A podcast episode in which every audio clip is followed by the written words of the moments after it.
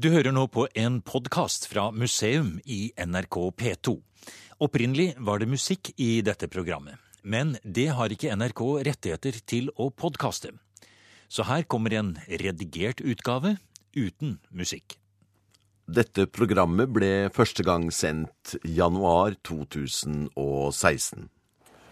Og da tenner vi et lys for, for Dagny Juels minne. Sånn er jeg på plass. Der. Det er riksantikvar Jørn Holme som tenner et lys i et gravkapell øst i Tbilisi i Georgia. Han gjør det til minne om Dagny Juel. Museum i dag handler om Dagny Juel. Den begavede kvinnen vokste opp under svært trygge sosiale forhold i sveitservillaen Rolighet i Kongsvinger. Hun ble senere en stor kraft i det bohemske kunstnermiljøet i Berlin, og der startet hun sitt forfatterskap. Men 8. juni 1901 ble hun skutt og drept på et hotellrom i Tbilisi. 33 år gammel. Sånn, da åpner vi døren til det vi tror var Julsøstrenes soverom. Ja. Så her har vi Her har vi en liten utstilling. Se her, ja. Og nå tenkte jeg at jeg kunne gjøre det samme som vi pleier å gjøre når vi har besøk. Ja, gjør det. Når du ser dette gamle skaberakkelet av et, eh, et piano med, med fine, fine lysestaker, så da pleier vi å tenne på disse lysene.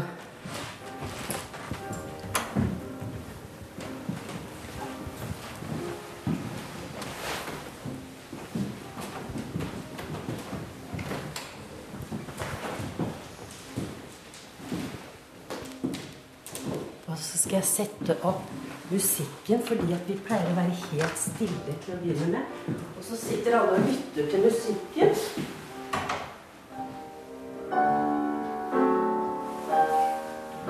Som er komponert til rommet av en sivilarbeider for mange år siden. Vi har eh, forflyttet oss fra Tbilisi i Georgia til søstrene Juels pikeværelse på Rolighet i Kongsvinger. Her er Kari Sommerseth Jacobsen, seremonimester med lystenning, stillhet og musikk. Sommerseth var inntil nylig direktør ved museet og har levd mange år med Dagny Juel. Jeg er jo vokst opp i Kongsvinger, og jeg hørte aldri om Dagny Juel. Det var ingen som fortalte meg om Dagny Juel. Det var heller ingen som fortalte på skolen at Jonas Lie bodde her. I nabohuset til, til gymnaset. Du verden. Så, så det har vært eh, Og Erik Bernskjold er jo fra festningen. Sønnen av kommandanten på festningen. Ja, tenk. Du, vi må jo bare si at det er en dag som er ganske skarp. Ja, jeg Jeg vet ikke om vi hører det. Sånn er det Det er 23 grader minus. ja. Ja. Eh, Men en vakker dag. Ja. Eh, Sola eh, er oppe i, i sør akkurat nå. Eh, Og her ser vi jo dette sveitserstilhuset. Det, det er jo fornemt og flott. ja. Det er fornemt og flott. Og det med- ville man ha bort. Ja, det ville man ha bort. Så heldigvis så klarte vi å redde det. Og, og skape et, et kvinnemuseum eh, som forteller eh, viktig eh, feministhistorie. Og det er like viktig i dag som, som det har vært alltid. Og, men Dagny Juel er jo hun er på en måte Vi har henne gratis i Ja. huset. Ja. så vi har Kafé Dagny, hvor det, vi selger vår berømte bohemkake om sommeren. Helt opp. Ja, så, så det er et levende hus med konserter og foredrag og ja, mye som skjer. Og rett i øst blir vel det da, eh, er, er festningen Ja, med det norske flagget. det er jo starten på Kongsvinger. For Ja. det var jo for å beskytte oss fra inngrep fra Sverige. Ja. Eh, At, eh, at eh, det var kong Kristian 4. som bestemte at her skal det ligge en festning. Og så Ja. kom denne festningsbyen, som jo er et vernet område og har mange fine bygninger fra, fra mm, alle århundrene tilbake til 1600-tallet. ja, men i Dagny Juels oppvekst så så var vel ikke så mange av nabohusene som vi Nei, ser nå. Nei, det var, det var en løkke. Her bodde det ingen. Så, så det var eh, fritt og godt. Og familien som bygget det, de bodde inne i leiren. Ja. Rynning-familien. Og så mm, hadde de kjøpt denne tomten og ville litt ut på landet. Og så var det rolig her, så derfor så heter det Rolighed. Ja. Nei, men det er såpass stikkende nå at Ja. den kan kanskje Det holder.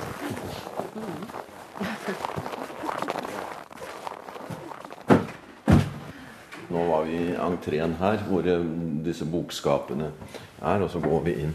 Flotte, malte tregulv.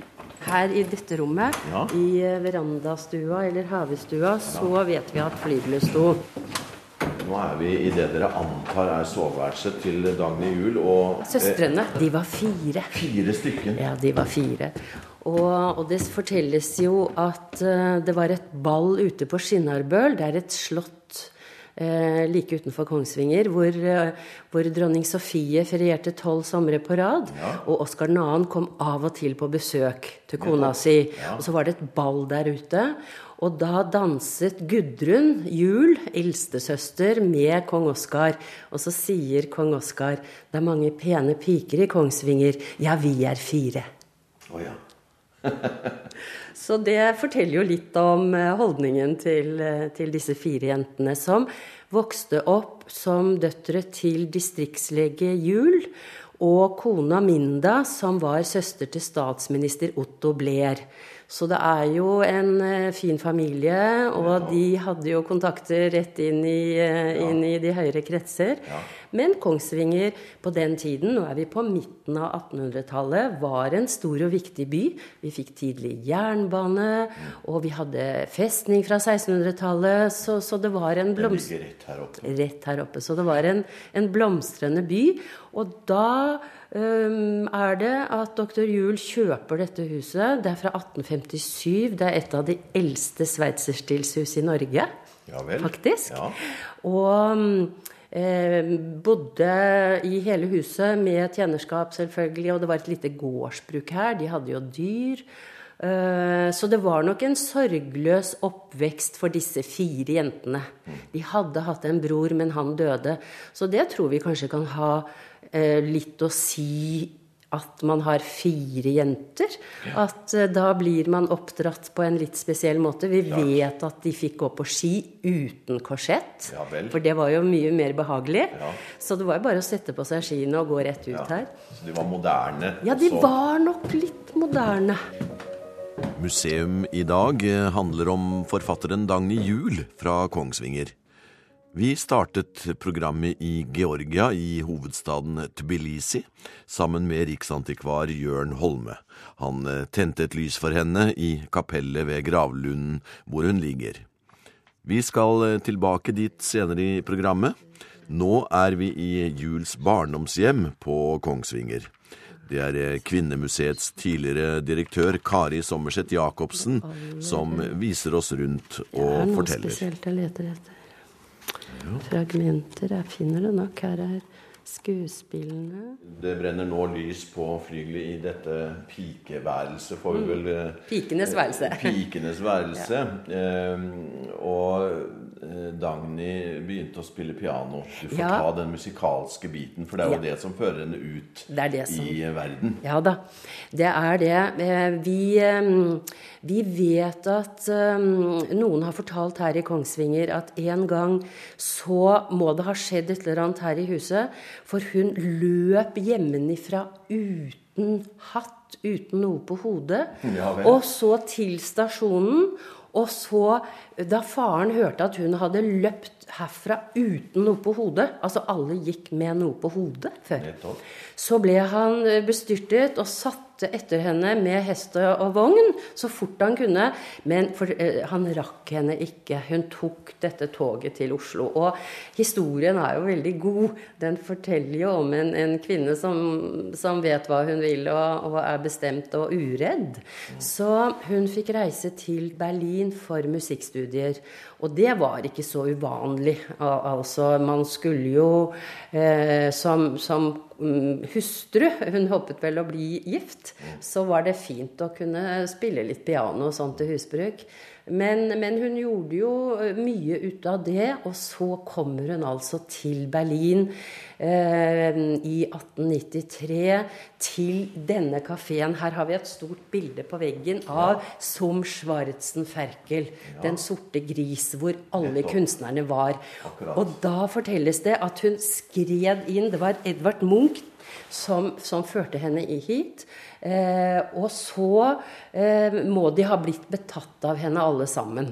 Eh, jeg tror ikke hun var den peneste av de fire, men hun hadde noe mm, interessant ved seg, og litt tunge øyelokk, og, og var en begavet dame. Det var hun. Eh, så, så, mange ble forelsket. Strindberg skal ha blitt forelsket. og, og Eh, og han tålte henne ikke da Nei. fordi han ikke hadde sjans, Nemlig. Vår arme Bengt, forteller han om Lidfors, sitter fast på et hotell i Berlin, ruinerad av den satans elendige kvinnen Dagny Juel, parentes, som også var min elskerinna i tre vekkor. Men altså, hun, hun møtte Stanislav Przybisevskij på denne kafeen. Mm. Og det var nok en sånn åpenbaring og et sånt veldig sterkt kjærlighetsmøte. Ja, ja. Det tror jeg. Så hun De falt veldig for hverandre. Han eh, hadde jo en kvinne og hadde to barn med en kvinne han ikke var gift med. Men, men da han møter Dagny, så er det på en måte en åpenbaring for de begge, tror jeg. Og Eh, da giftet de seg, og Dagny fortalte at eh, ja, det kostet én mark å gifte seg, og den dagen hadde vi én mark, derfor giftet vi oss. Det fortalte hun sjokkerte venninner i, i Kongsvinger. Jeg tror ikke hun var uh, sånn typisk Hun var ikke noen kvinnesakskvinne. Men, men, livet hun levde, var et moderne liv. Hun gikk på kafé med gutta. Hun, hun røkte, og hun drakk absint, for det drakk de jo. Så, så, så, livet hun levde, og måten hun levde på, er en frigjort kvinnes liv. Det kan vi si. Jeg bare Skal vi se Bare leter etter uh, Kanskje du skal Den heter Rediviva. Jeg vil fortelle mitt livs forunderlige historie. Kanskje vil ikke alle finne den så forunderlig, kanskje er det samme hendt flere, men jeg har aldri hørt noe om det, og derfor tror jeg at jeg er den eneste som har denne forferdelig tragiske, mystiske livsskjebne å stirre på. Først en uendelig livsens lykke. Jeg så ham og visste i samme nu at jeg måtte eie ham, og at det skulle være mitt livs. Hun har jo etterlatt seg fire skuespill og ganske mange dikt og noen eh, kortere, hva skal vi si, eh, små epistler. Mm. Hva, hva, skrev Dagny Juel om? Nå har vi jo hørt et eksempel på hennes språk. Ja, jeg kan si noe om det. Sånn, men, vi, ja. men sånn rent litterært? Ja, hun skrev om forhold. Hun skrev om eh, kjærlighet, eh, god kjærlighet, ulykkelig kjærlighet, trekantforhold. Eh, og den Rediviva som jeg leste opp i sted, det er jo veldig likt livet hennes, da. Og også den skjebnen hun fikk. Så de, de var nok Følte nok skyld overfor den kvinnen som hadde mm, to barn med, med, Stanislav på forhånd, og som jo var gravid. Hun tok sitt eget liv, hun altså, i fortvilelse. Fordi Stanislav jo var opptatt på annet hold, og hadde giftet seg til og med.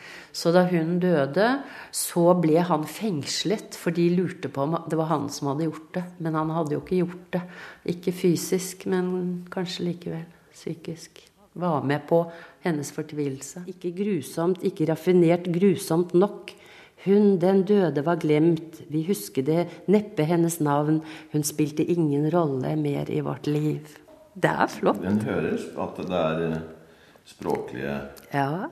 Hun setter Eh, hun, altså, eh, kvinnen er i sentrum. Hun er en aktiv kvinne. Hun er ingen passiv kvinne. Og det, i litteraturhistorien, så, så sies det at Agne Juel er veldig tidlig ute med akkurat dette.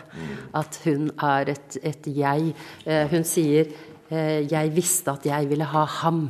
Ikke sant? Hun, er, hun, har en egen vilje. Ja. En kan jo lure på hvor mye som er tatt vare på. Ja. Alle fasetter av hennes, eh, Ja. hennes liv. Skal vi se om vi ikke bare lukker den døren? Le, lever eh, Dagny Juel på en måte fortsatt i byen, i Kongsvinger? Ja, det vil jeg si. Ja. Det vil jeg si. ja. Var det Nei, der! Nei, det er hotellet. Ja, jo, Ja. vi gikk forbi. Ja, ikke Stemmer. sant? Jeg passerte Ja. eh, hotellet, og det var, det var jo like ved der eh, også Hamsun hadde bodd. Ja, på, på andre siden så var det nettopp. hotellet, og der står det en plakett på veggen. Nettopp. Og i eh, 2001, da det var denne markeringen også i Tiblitsi, som vi var på tre utsendinger fra Kvinnemuseet, Ja. så ble det satt opp en plakett på dette huset her. Ja. Eh, Det er jo ikke noe hotell i dag, Nei. men da vi var der, vi tre, Lisbeth Schomak, Roar Lishaugen og jeg, så gikk vi opp trappen. Og der bodde det en dame, hun hadde bodd der i 40 år, i en liten leilighet. Det var jo ganske forfallent og enkelt. Og så, og så spurte vi du, hvor var rom nummer fire og fem? Ja, men det er hos meg, sa hun. Og så fikk vi kommet inn til henne. Og vi tok jo dette bildet da på, mm, med ut til Det er jo annen etasje, og her er det ut til verandaen. Ja. Men vi hadde ikke hjerte til å fortelle henne at det var her hun ble Nei. skutt. Men for oss ble jo det en spesiell opplevelse å, å være akkurat der. Eh, hun ble jo et, et offer for en gal mann. Vi er nå i 1901, og Dagny Juel har reist dit med Emrik, som var en felles venn. Eh, Stanislav, mannen, skulle være med på denne turen. De var invitert med, for faren hadde noen eiendommer i Tiblitsi, og det var dessuten et sted veldig mange dro på den tiden, også Knut Hamsun. Eh, Men i siste liten så hopper Stanislav av toget i Warszawa. Han ble ikke med likevel. Og så reiser Dagny, det er jo en lang reise, først med tog og så med vogn, og den tar noen uker, den turen. Så kommer de dit, tar inn på Grand Hotell som bror og søster. Disse to, denne, eh, Han er ni år yngre enn Dagny, men veldig forelsket i henne. Og så går hun hvileløst frem og tilbake til stasjonen, for hun venter på at Stanislav skal komme. For det var jo mystisk at han hoppa av. Ja, men han hadde nok en annen plan. Ja. Han hadde andre damer på den tiden. Eh, Så det falt eh, vel andre Det var vel andre fristelser enn å, enn å være med Dagny. Eh, Og, og hun ventet også på passet sitt, for hun hadde ikke passet, og hun hadde ikke penger. Så hun telegraferte og var eh, veldig fortvilet, egentlig. Det kan vi se. Og så var det 5. juni i 1901, så så høres det to skudd i eh, annen etasje på rom, eh, på rom fire eller fem. Eh, og da var det Emrik som hadde leid sønnen Zenon på fem år som var med, ut av værelset. Dette hadde han planlagt. Og så går han inn igjen og skyter Dagny, som sitter og halsover i en stol. Og så skyter han seg selv, og så, og så etterlater han seg flere brev som, som sier litt, bl.a. blant annet til Stanislav. Um, jeg har gjort det du burde ha gjort. Uh, og, og til sønnen Zenon, som da var fem år, som fikk lese dette brevet mange år senere. Jeg uh, tar din mor ifra deg, hun er for god for denne verden. Så han var jo gal. Så Dagny Juel var på en måte offer for to gale menn. Stanislav, som ikke kunne passe på henne. Eh, Og, og Emrik, som da gjør dette grusomme, grusomme. Hun er 34 år, like før hun er 34 år. Ja, nettopp. nettopp. Men én teori, eh, vet ikke hvor langt fram den er, er jo at eh, dette har mannen hennes eh, planlagt, og et slags bestillingsverk. Ja, det, det, kan man, det har man spekulert på. Eh, og det han skrev til venner, Stanislav, det er at Emrik og Dagny har tatt livet av seg. At, de, at det var planlagt. Men eh, så kan man jo lure på eh, Og jeg tror ikke at hun ville dø fra sønnen sin som hun hadde med seg. Hun var en varm og god mor, så det, det tror jeg ikke noe på. Men hun må ha vært noe sløv. Hun må ha vært ganske desperat. Kanskje i en eller annen psykotisk tilstand, har jeg lurt litt på. Eh, siden hun ikke skjønte hva han holdt på med. Hadde hun ikke antennene ute og så at er, hun er i fare? Hun var jo i veldig stor fare. Jeg heter Tamar Kvizhinadze. Jeg er lektor ved Statsuniversitetet i Tbilisi. Underviser i norsk språk. Jeg har oversatt en del norske bøker til georgisk. Universitetslektor eh, Tamar Kwijinatse, som vi treffer under et riksantikvarseminar på Nasjonalbiblioteket i Tbilisi, kjenner Dagny Juels dramatiske historie godt. Eh, universitetslektoren eh, sier også at Juels skjebne på en måte har knyttet Georgia og Norge nærmere hverandre. De som er mer, eller mindre kjent med Norge, norsk litteratur, de alle er informert om det tilfellet. Selvfølgelig alle vet om Dagny Juel. Det har vært faktisk TV-programmer om Dagny Juel. Det har blitt skrevet veldig mye. Det er mange artikler som blir delt ut på Facebook. Her i Så, Georgia? ja, her i Georgia, selvfølgelig. Og på, på den måten er det enda større publikum som får informasjon om Dagny Juel. Um, kanskje siste tiden av det økte liksom uh, interesse for Norge generelt, og vi fikk bedre informasjon om landet. Det er stadig flere studenter, flere uh, fagpersoner som reiser til Norge. Og, og, så kommer nordmenn til Georgia, som vil gjerne besøke Dagnys grav, sånn som dere. Uh, så, så, sånn sett sprer informasjon. Uh, men det som jeg ville si, Dagnys grav var jo ganske langt inne. På gravlunden så ble den funnet og flyttet ved inngangen til den gravlunden. og mannen som, som tar vare på gravlunden, så han passer på graven hennes veldig godt. Og det er alltid blomster lagt på hennes grav. Det er veldig hyggelig. Alle nordmenn som kommer til Tbilisi, så de besøker graven. og Det er, det er veldig rørende. Så, så jeg pleier å si som, som Ør nevnte at um, våre land har ganske stor tilknytning, selv om vi er veldig forskjellige. Så samtidig er det mange likheter som knytter oss sammen på en måte. Vi er små nasjoner. Um, den nasjonale følelsen er uh, liksom veldig sterk. Og, um, og, at denne historien på en måte har ført oss sammen enda sterkere.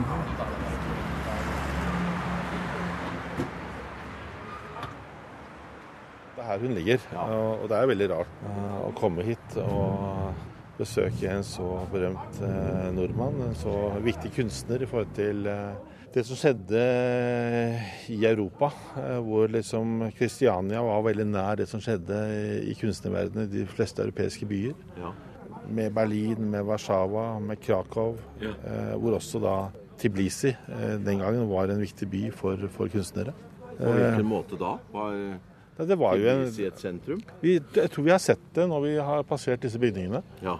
Eh, og så hvordan, hvor vakker byen da var, eh, uten det forfallet som vi har sett nå. ja, for det er jo en annen norsk forfatter som har vært her også. Ja, Knut Hamsun. Og Og var ikke langt unna han heller bodde der eh, det hotellet hun bodde på.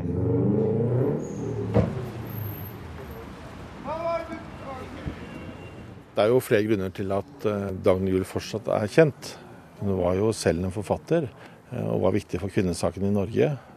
Men så var hun også veldig sentral i det kunstneriske miljøet både i, i Norge og i Europa.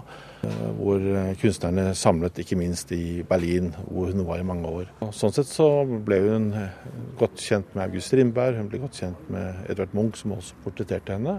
Hun var nok også en brikke i at i noen sammenhenger at Munch ble også kjent i noen kretser i Europa. Utgangen her i Tbilisi 1901, hvor hun ble beskutt av familiens venn, eh, som på en måte gjør at eh, myten, sagnet, historien om Dagny Juel fortsatt lever på en spennende måte. Det er kanskje ikke noe riktig sted å spørre om det, men eh, har det noen gang vært, aktuelt for å få henne hjem? Det er mange som har hatt den tanken, også jeg har tenkt den tanken. Eh, hennes barn er borte, jeg tror også hennes barnebarn er borte. Barna etablerte seg på nytt i familier i Sverige. Men hvis det ble aktuelt for familien, så tror jeg nok at veldig mange nordmenn ville være glad. Hun hører på sett vis hjemme i Norge og, og på Kongsvinger, hvor, hvor hun vokste opp. Men, men igjen, det er jo noe ekstra mytisk ved henne at hun ligger her, da. Historien om henne er jo, er jo sterk. Og det er veldig rart å, å, å stå her eh, ved hennes grav og besøke henne 114 år etterpå.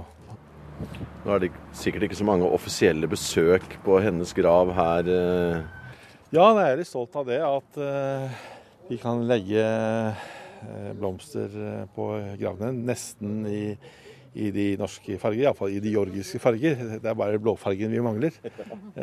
Så Sånn sett så er det mange likhetspunkter mellom Norge og Georgia, også bortsett fra at det er et flagg med kors i, og, og vi har det blå, lille blå. Ellers er det rart å tenke på at det er nesten like mange innbyggere i, Georgia som i, i Norge. Begge land har en stor, litt eh, krevende nabo i øst. Og så er det det at vi faktisk har eh, elementer av felles kultur oss imellom.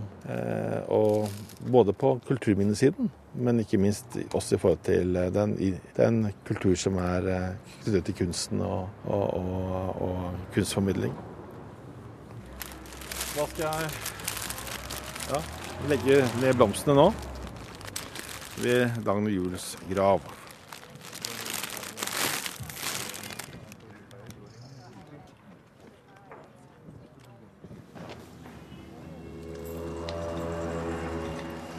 Du har hørt en podkast fra NRK P2.